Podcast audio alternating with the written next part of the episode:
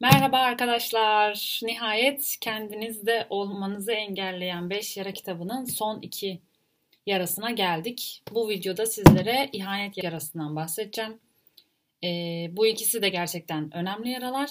Videoya girmeden önce e, yeni görüştüğüm ve çok zor bir anımda ve dönemimde e, danışmanlık aldığım bir psikoloğun sözüyle giriş yapmak istiyorum. Dedi ki hayat size gül bahçeleri sunmadı. Bu dünyaya geldiğiniz ve geldiğinizde e, sürekli güzel şeyler yaşayacaksınız anlamına gelmiyor.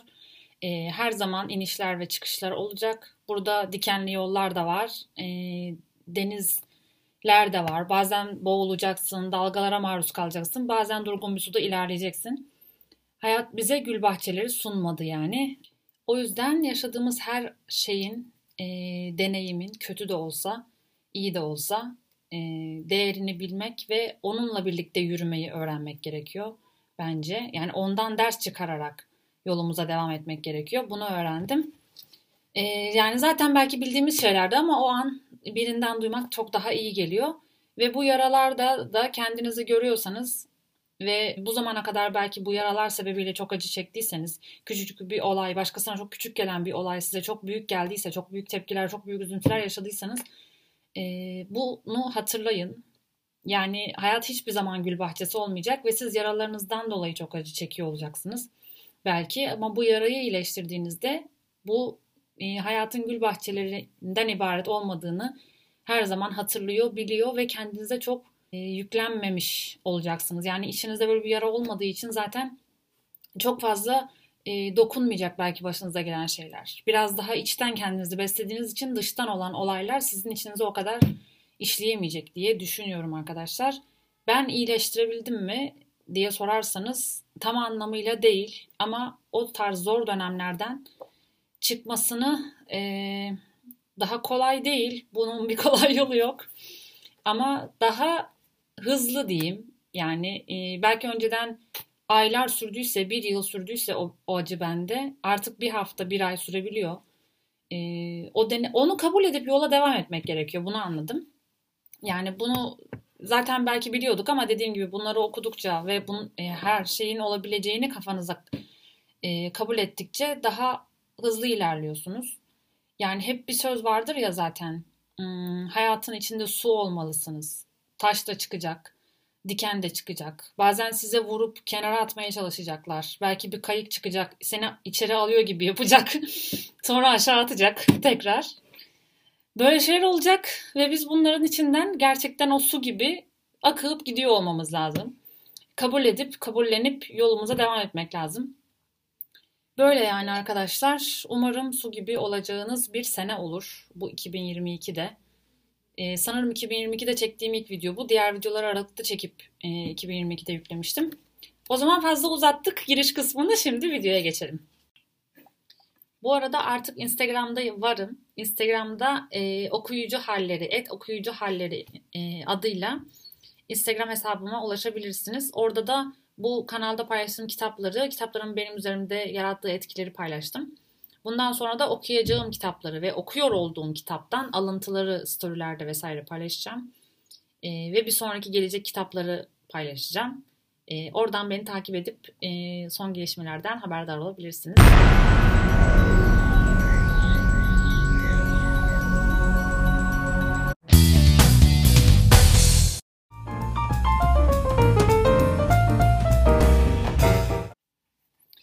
Evet arkadaşlar, İhanet yarasıyla başlıyoruz. Giriş kısmını zaten yeterince uzattım. Bir de burada uzun uzun konuşmama gerek yok diye düşünüyorum. Şimdi ihanet yarası arkadaşlar 2 e, ila 4 yaşlar arasında başlıyormuş. Oluşuyormuş daha doğrusu. Ve karşı cinsten ebeveynle oluşuyor. Yani erkekseniz e, annenizde kaynaklanan bir yara. E, kadınsanız babanızda kaynaklanan bir yara. Physical tipi ise ihanet yarası karşı kendi yarayı kapatmak için kullandığı yöntem kontrolcülükmüş, aşırı kontrolcülük. Her şeyi kontrol etme isteği vesaire. Bu kontrolcü kişinin de fiziksel özellikleri şu şekilde. Alça kısmı biraz daha geniş kadınlarda. Erkeklerde de üst kısım geniş. Erkeklerde bayağı ideal bir vücut tipi aslında ama bu da bir yara belirtisiymiş yani. Evet arkadaşlar. Şimdi burada çok ilginç bir olay var. O yüzden bu videoyu gerçekten ne bileyim hani hassas bir insansanız böyle cinsel konularda vesaire izlemeyin bence. Ee, yani izlemeyebilirsiniz. Çünkü hani biraz derin, herkesin anlayabileceği bir şey değil bu bence. Gerçekten psikolojiyle ilgilenen, psikoloji az buçuk bilen kişilerin anlayabileceği bir şey.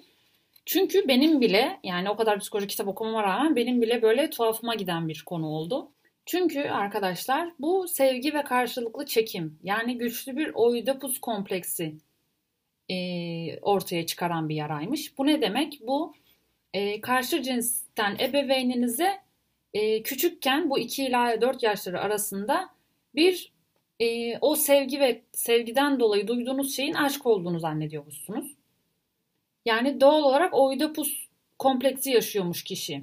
Yani e, karşı cinsten ebeveyni ileride de onun e, karşı cinslerle yaşayacağı sorunlar işte bu e, bu oidipus kompleksinden kaynaklanıyor. Kaynaklanıyor. Yani o babadan almadığı e, şeyi ne bileyim ona karşı bir şey duyduğu için öyle bir duygu zannettiği için ona karşı duyduğu sevgiyi onun diyelim diğer çocuğu sevmesi, annesini sevmesi, annesiyle yakın olması vesaire çocuğun kıskanmasına sebep oluyormuş. Çok ilginç bir şey gerçekten. İşte bu yani bu kadını yine biliyorsunuz eğer diğer videoları izlediyseniz e, bu kompleksin çocukta zaten ruhunda var olduğunu ve bunu yaşayacağı ebeveyni seçerek dünyaya geldiğini söylüyor. E, yani bu bu kadının şeyi argümanı diyeyim.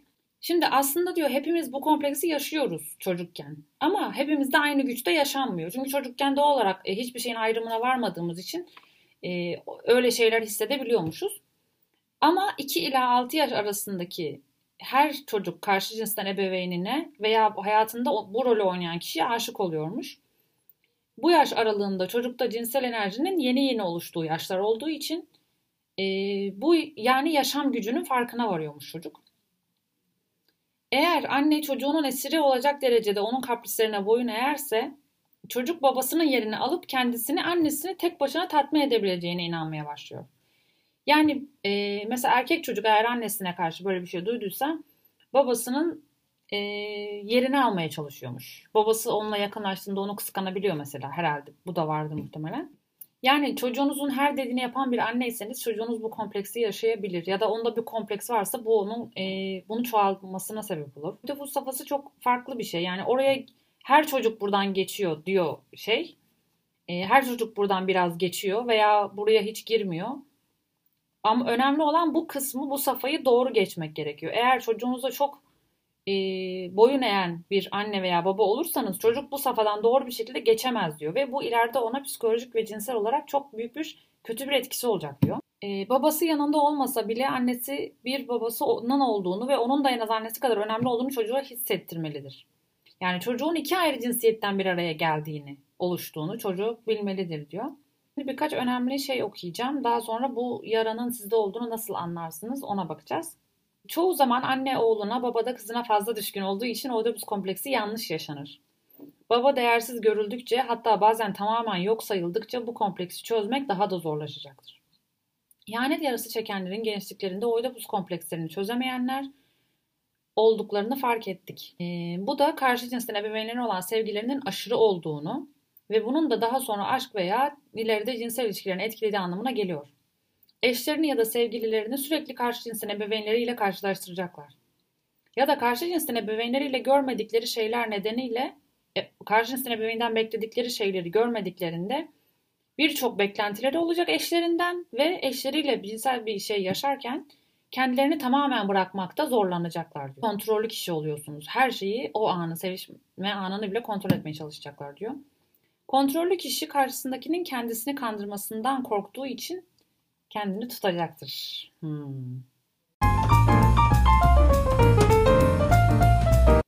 Mesela bir tane örnek var onu okuyayım. İhanet yarası olan bir adam bana gençliğinde annesi ve iki kız kardeşinin ayakkabıları temizlerken ayakkabıları yalnızca kendisinin böyle parlatabildiğini ya da yerleri silip cilalarken yeri böyle parlak hale ancak kendisini getirebildiğini söyleyerek kendisini değerli hissettirdiklerini anlatmıştı. Bu yüzden adam bu iki görevi yerine getirirken kendini önemli hissediyordu onların cazip onların cazibelerini kullanarak kendisini manipüle ettiklerinin farkında değildi. Annesi ve kız kardeşleri kendi cazibelerini kullanarak onu manipüle ettiğinin farkında değilmiş.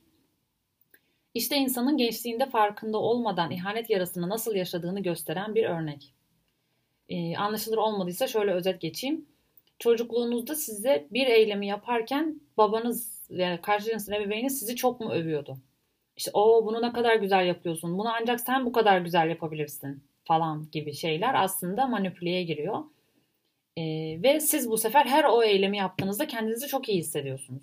Aslında bu bir manipülasyon, manipülatif yöntem aslında diyor. Karşı cinsten ebeveyn her sözünü tutmadığında, her onun güvenini sarstığında, her seferinde çocuk kendini ihanete uğramış hissedecektir. Bu ihaneti özellikle sevgi ve cinsellikle ilgili konularda aldatıldığında hisseder. Çocuk ayrıca kendisiyle aynı cinsten olan ebeveynin diğer ebeveyni tarafından aldatıldığını hissettiğinde de ihaneti yaşar. Bunu sanki kendi başına gelmiş gibi hissedecektir. Yani e, annenize veya babanıza işte böyle bir şey duyuyor, duyduysanız çocuklukta ve e, annenizin size duydunuz diyelim ki babanız onu aldattıysa sanki size yapılmış gibi e, hissediyormuşsunuz. Bu işte ihanet yarasının oluşma sebebi bu. Çocuk ihanete uğrama deneyimleri yaşadıkça kendini korumak için diğer yaralarda da olduğu gibi bir maske takacaktır. Bu maske de kontrolcü maskesidir. Bu kontrolcü maske mazoşist kişinin taktığı kontrolcü maskeden biraz farklıymış arkadaşlar. Kişi utanç duymamak ya da başkasına utanç vermemek için kontrolü kullanır. Buradaki kontrolcü kişi ise sözlerini tutmak, sadık ve güvenilir olmak ya da başkalarının verdikleri sözleri tutmalarını sağlamak için kontrol eder. Yani böyle işte eşlerini e, vesaire çok kontrol etmeye çalışan işte e, her yaptığı şeyi ya bana dürüst olsun diye yeter ki kendi de sadık ve güvenilir olduğu için karşı tarafın da öyle olması için onu kontrol etmeye çalışan kişiler. Kontrolcü kişi kendine güçlü ve etkili görünen ben güvenilirim, bana güvenebilirsiniz diyen bir vücut yaratır. Bu yüzden de kontrolcü bir erkeği kalçalarından geniş yapılı omuzlarından tanı kalçalarından ve yapılı omuzlarından tanıyabilirsiniz. Bazen kalçalarıyla omuzlar arasında büyük bir fark olmayabilir ama bir önceki bölümlerde dediğim gibi e, içgüdülerine güvenmelisin diyor. Kontrolcü kişi ilk bakışta vücudun üstünde altında olduğundan daha güçlü bir daha fazla güçlü görünüyorsa kolayca ihanet acısı çeken birine işaret eder. Eğer geniş omuzlu, kalın kollu ve çıkık göğüslü bir erkek kaslarını göstermek için sıkı bir tişört giyiyorsa bu onun ihanet yarasının daha önemli olduğunu gösterir. Yani işte diğer videolarda da söylediğim gibi ihanet yarası, bu yaralar sizde olabilir ama çok güçlü olmayabilir, çok aktif olmayabilir, büyük bir rol oynamayabilir. O yüzden yara vücutta e, vücut tipini birebir taşımıyor olabilirsiniz yani. Kontrolcü kadında da alt vücudu genelde omuzlarından daha geniştir. E, armut tipli bir kadında alt bölge ne kadar vurgulanıyorsa ihanet yarası da o kadar derindir diyor. Bazı durumlarda kişinin vücudunun bir kısmı eksiktir yani vücudun üstü ile altı simetrik değildir ve bu reddedilme yarasına bağlıdır. Genelde kontrolcü kişi maskesi takıyanlar her yere gittiklerini fark edilirler ve maddecidirler. Etrafa bakın, bana bakın mesajı yayarlar. Çok fazla, çoğu zaman kiloları vardır ama şişman oldukları söylenemez. Bu benim gözüme birkaç kişi getirdi bu arada.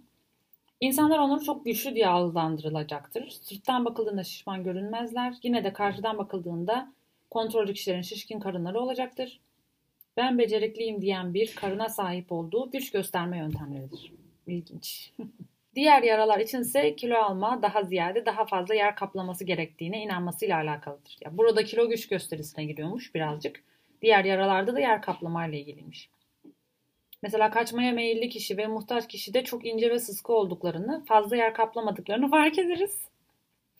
Bu kaçmaya meyilli kişinin daha meyil görünmez olmasını sağlarken muhtaç kişinin güçsüz görünmesini sağlar. Ona daha çok kişinin yardım etmesine yol açar demiş. Hmm.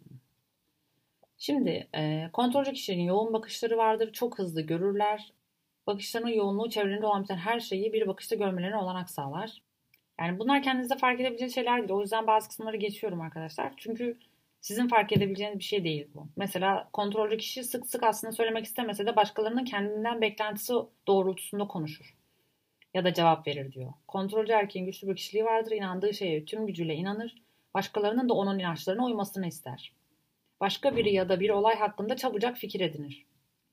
Ee, ve haklı olduğuna emindir erkek. Görüşlerini kategorik olarak doğrular. Doğrular ne olursa olsun karşıdakileri de ikna etmek ister. Birisi kendini anladığında aynı fikirde olduğunu düşünür ancak bunun böyle değildir diyor. Şimdik Ee, bir insan bu maskeyi taktığından habersizdir ama çevredeki insanlar bu maskeyi taktığının farkına kolayca varabilirler. Kontrolcü kişi hızlı hareket eder, hızlı anlar, hızlı anlıyor olmak ister. Karşısındaki kişiyi bir şeyi anlatmak için fazla zaman harcadığında zorlanır. Karşındakinin sözünü sık sık keser, karşısındaki soru sormayı bitirmeden cevap verir. Ne var ki eğer karşısındaki kişi ona böyle davranmayı cesaret etse, kuvvetli bir şekilde bırak da bitireyim onu konuşmayı bitirmedim daha der. Bazı şeyleri ben kendimde de görüyorum bu arada yani. Demek biraz bundan biraz ondan yaralar olabiliyor. Tamamen bir yara yüzde yüz bütün özelliklerini taşıyor olmuyorsunuz zaten. Ee, az az olabiliyormuş. Çok yeteneklidir ve hızlı davranır. Bu yüzden daha yavaş insanlara pek sabrı yoktur. Çok kontrol etmeyi bırakması için çaba harcaması gerekir. Örneğin yavaş giden bir arabayı takip etmek çoğunlukla sabırsızlanmasına ve sinirlenmesine neden olur. Bunları okuyorum ki hani size tanıdık geliyor mu? Siz böyle misiniz? An, e, onları çözün diye. Kontrollü kişi 5 kişilik tipi içinde ruh hali en çok inip çıkandır. Bir anda sevgi ve ilgi doluyken bir anda küçük bir olay için sinirlenebilir. Çevresindekiler onun ne hissettiğini anlayamazlar. Başkaları bu durumu çoğunlukla ihanet olarak algılar. Kontrollü kişi geleceğe dönmeye yani gelecekte olacak her şeyi önceden görmeye çalışmaya meyillidir. Zihni çok çalışır. Allah Allah ben, burada çok benzeyen şeyler var. Yarası ne kadar güçlüyse ihanet acısı çekmemek için her şeyi kontrol etme isteği ve geleceği önceden görme arzusu o kadar güçlü olur diyor. Örneğin çalışırken gelecek tatillerini planlamakla meşgul olacaktır. Tatil sırasında işe dönüşünü planlayacak ve yokluğunda evinde neler olduğu ile ilgili kaygılanacaktır. Çoğu zaman ne olacağı ve olanların kendi öngördüğü gibi gerçekleşmesiyle çok meşgul olduğundan şimdiki zamandan yararlanmasını bilemez diyor. Gideceği yere erken gitmeyi sever. Burada hiç bana uymuyor. Ben çok geç kalıyorum çünkü. Geç kalanlara tahammül edemezmiş. Bir işi geç bitirirse veya başka biri yapmaya söz verip işi geç bitirirse sabırsızlanır. Bu sorun özellikle karşı cinsin ebeveynle yaşandığında onu diğerlerinden olduğundan daha çok sinir, sinirlenir. Bu da bir ayrım bu arada. Bir eylemi diyelim e, aynı şeyi anneniz yaptığında daha az sinirlenip babanız yaptığında daha çok sinirleniyorsanız veya tam tersi oluyorsa orada bir sorun var demektir. Bir düşünün hani bir eyleme çok sinirlendiğinizde bunu annem yaptığında da ben böyle sinirleniyor muyum diye bir düşünün. O da bir ayrım noktası. Yaranızı fark etmek için. Herkesin neler başandığını, nasıl ilerlediğini, ne kadar çok şey yaptığını bilmesini sağlar. Ve ona güvenebileceklerini anlayacaktır. Kontrollü kişi başkalarının ona güvenmemesinden nefret eder. Kendine o kadar güvenilir ve yetenekli görür ki başkalarının ona güvenmesi gerektiğini düşünür. Yine de kendisinin başkalarına güvenmesinin ne kadar zor olduğunun farkına varmaz. Birinin sırdaşı olmak için ona gerçekten güveniyor olması gerekir. Yine de birinin ona güvenip söylediğini başkalarına ilk söyleyen de o olur. Ama bunu yapmak için çok iyi bir nedeni olduğundan da emindir. Aslında fark ediyor musunuz? Kişi kendini de ihanet ediyor. Yani kendisi çok güvenilir ve şey olduğunu düşünüyor. Öyle bilinmek istiyor. Ama daha kendisi e, kendine bile öyle davranmıyor. Kendisine söylenilen bir sırrı gidip başkasıyla paylaşan ilk o olur diyor aslında. Kendi kendini de ihanet etmeye devam ediyor. O yüzden bunları çözmek ve önce kendimizde uygulamaya başlamak, inşaata kendimizde başlamak çok önemli bence. Başkalarının işlerine çok karışır. Etrafında olan biten her şeyi çabuk fark ettiği ve başkalarından daha güçlü olduğuna inandığı için her şeyi kolayca kontrolüne alır. Hayatlarını organize etmekte başkalarına yardımcı olması gerektiğini düşünür. Bu da genelde annelerde oluyor. Kontrolcü kişi başkalarının sorunlarıyla ilgilendiğinde bu kişilerin kendisinden güçsüz olduklarını hisseder. Bu kendi gücünü göstermenin kılık değiştirmiş halidir. Bir insan kendi gücüne inanmazsa onu başkalarına kanıtlamak için her şeyi deneyecektir. Vay bu çok güzel bir söz bence.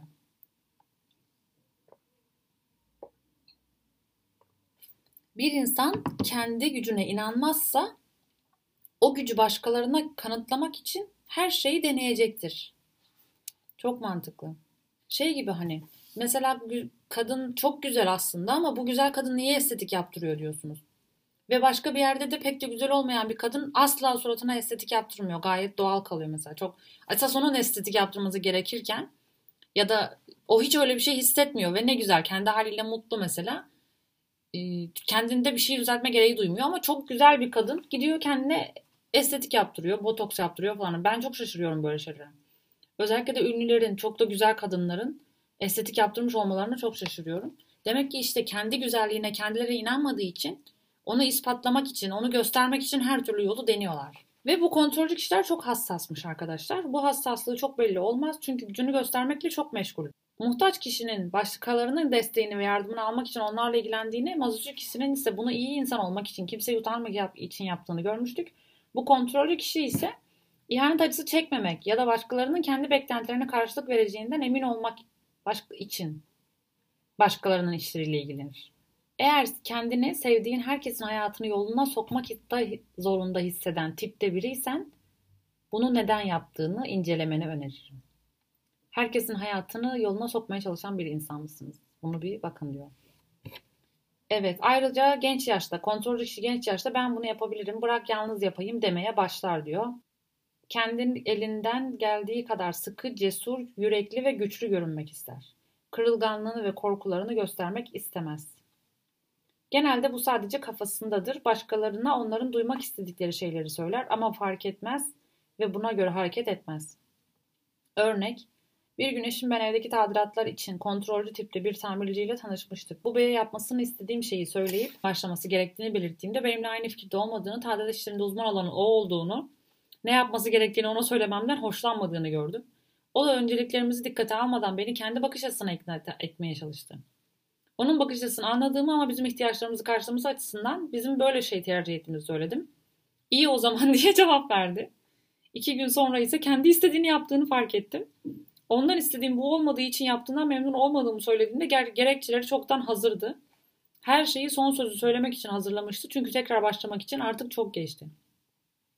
Yani tanıştığınız kişiler bile yani illa işiniz olması gerekmiyor bu. Tamirciniz, hocanız, iş yerinizdeki bir kişi bile kontrolcü bir kişi ise direkt belli oluyor gördüğünüz gibi yani. Olan biten her şeyi bilmek ister, kendisine sorulmadan fikrini söyler, başkalarının yaptığı ya da dediği şeyler hakkındaki fikrini söylemeden duramaz. Hmm. Kontrolcü kişi başkalarının ona yalan söylemesinden korkar. Bana yalan söyleneceğine dayak yemeyi tercih ederim der. Kendisi de sıklıkla yalan söyler ama onun için bunlar yalan değildir. Ne kadar kötü bir özellik değil mi? Ya bana yalan söylenmesin diyorsunuz ama kendin en başta yalan söyleyen kişisin yani. Yalandan nefret eden, karşı tarafın aşırı dürüst olmasını isteyip kendin yalanların benim bir parça söylüyorsun ve bunların yalan olmadığını çok sıradan bir şey olduğunu düşünüyorsun. Yani kendi hatanı, kendindeki özellikleri hiç görmemen kadar gıcık bir şey yok yani. Neyse gerçeği çarpıtmak için kolaylıkla iyi gerekçeler bulur. Genelde üstü kapalı olan yalanlarının istediğini yapmak ya da kendini haklı göstermek için gerekli olduğuna inanıyor. Ona göre onlar yalan değil yani. İşte bu sebeple. Ne yazık ki verdiği sözü tutup tutamayacağını doğrulamadan söz verdiği için söylediklerini her zaman yerine getiremez. Sonra da her türlü bahane üretir. Hatta söz verdiğini hatırlamadığını bile söyler. Başkaları bunu bir yalan olarak görür ve bir ihanet gibi yaşar. Ya zaten öyle yani. Söz verip yerinde tutmuyorsun, yalan söylüyorsun. Allah'ım böyle insanları da uzak tutsun herkesi. Burada da e, haklılık şemasına benziyor demişim. Haklılık şemasının ne olduğunu da buraya bırakıyorum. E, eşinin sık sık yalan söyleyerek kendisini manipüle ve kontrol ettiğinden şikayet etmiş bir kadın. Bu kadının verdiği atölyelerden, kurslardan bir kadın. Sorgulamalarım sonucunda bu adamların çoğunun kontrolcü kişiler olduğunu söyleyebilirim. Her kontrolcü kişi yalan söyler demiyorum ama onların yalan söylemesi daha olasıdır. Eğer kendinde bu yaranın olduğunu düşünüyorsan dikkatli olmanı öneririm. Çünkü kontrolcü kişi çoğunlukla söylediği yalanların gerçek olduğuna inanır ya da yalan söylediğini farkına varmaz. Zaman zaman yalan söylediğini düşünüp düşünmediklerini öğrenmek için seni yakından tanıyan insanlara bunu sorabilirsin demiş. Ee, eğer vergi beyanında hile yaparlarsa bunun herkesin yaptığını söyleyeceklerdir. İşte bu haklılık şemasına çok benziyor. Çünkü e, şey haklılık şemasında bir örnek vardı. Hatırlatayım hem biraz videoyu şu an. Benim yerime park etmiş falan filan diye birisi için şikayette bulunuyordu. Ve bayağı bir şikayet etti. etti. Ondan sonra da neyse diyor yer bulamayınca engelli yeri buldum oraya park ettim diyor. Ama ne yapayım yer yoktu mecburdum diyor engelli yerine park ettim. Mesela kendi yaptığı şey de hata ve büyük bir yanlış aslında. Ama diğerinin yanlışına odaklanıp sürekli onu söylüyor. Kendisini haklı çıkarıyor. Yani kendi yaptığı şeyin işte herkes park ediyor zaten. Benim yaptığım gayet normal gibi. Kendi yaptığı kötülükleri, kendi yaptığı yanlışları e, görmüyor. Bu yüzden haklılık şeması oluyor bu da işte. Buna da benziyor. Bu kontrolcü kişinin yaptığını da benziyor. İtibar sahibi olmak ve itibarını korumak için yalan söyleyebilir. Güvenilir, sorumluluk sahibi ve işini iyi yapan biri itibarı sahibi olmak için en önemli şeydir bunu kişi için diyor. Hmm, sadece ona iyi itibar sağlayacak şeyleri insanlara anlatır diyor. Borçlanmayı sevmezler. Borçlarını en kısa zamanda öderler. Ebeveynlerinin ve çocuklarının mutluluklarındansa kendi itibarları için hareket ettikleri gözlemlenmiş. Evet arkadaşlar kısa kesmeye çalışıyorum ama yine çok uzun oldu. Kontrolcü kişinin en çok kullandığı kelimeler biliyorum. ya da bil, bilmiyorum demek onlar için çok zordur. Ben biliyorum. Bunu nereden öğrendiğimi hatırlamıyorum ama biliyorum. Bilmediği halde böyle söylermiş. Bunu şurada öğrenmiştim gibi cevaplar vermeyi neredeyse görev sayar. Sık sık kullandığı bir kelimeymiş kontrolcü kişinin. İzin vermediği halde birisi onun işaret işleriyle uğraştığında kendini aşağılanmış hisseder. Örneğin biri ona gelen bir mektubu okuduğunda büyük bir öfkeye kapılır. Uzun süre boyunca kontrol edeceğim bir eş ve iki oğlu kendime çekmiştim diyor. Kadın bu arada bunu yaşayan. Her kontrolcü kişi gibi karşı cinsleyken neden hep gardımı yüksek tuttuğumu açıklıyor. İhanet yaramı iyileştirmeme yardım etmesi için ihanet yarası olan ikinci bir eşi de kendime çekmiştim. Onun sayesinde günden güne kaydettiğim gelişmeyi görebildim ve böylelikle bu yaramı azaltabildim. Onunla eski eşime karşı davranışlarım arasında büyük bir fark olduğunu görebiliyorum diyor. Yani yarasını iyileştirdikçe tamam yine böyle yarası olan birini kendine çekmiş ama e, arada da büyük bir fark olduğunu fark etmiş. Ona davranışlarıyla buna davranışları. Bu e, yara için özetle şöyle bir cümlesi var. İhanet yarası çeken bir sürü insan çocukken karşı cinsin ebeveynlerinin ideal bir ebeveynden istedikleri şeyleri karşılamaması yüzünden acı çekmiştir. Bunu şöyle koyayım. Biraz bakın buna bence. Evet, şimdi kopma sözcüğünü çok sık kullanırlarmış. Kontrolcü kişi genelde çok çapkınmış. Yarasının baskın olduğunu karşı cinsten insanların sevgili olmasındansa arkadaşı olmasını tercih edermiş. Kişinin en büyük korkusu her şekilde kopmadır. Bir kopma türü olan çiftler arasındaki ayrılığı en zor yaşayanlar insanlar bu gruptadır. Kontrol kişi için bu ciddi bir başarısızlıktır. Hmm. Kendisinden kaynaklanıyorsa karşısındaki ihanet etmekten korkar ve kendini ihanetle suçlar.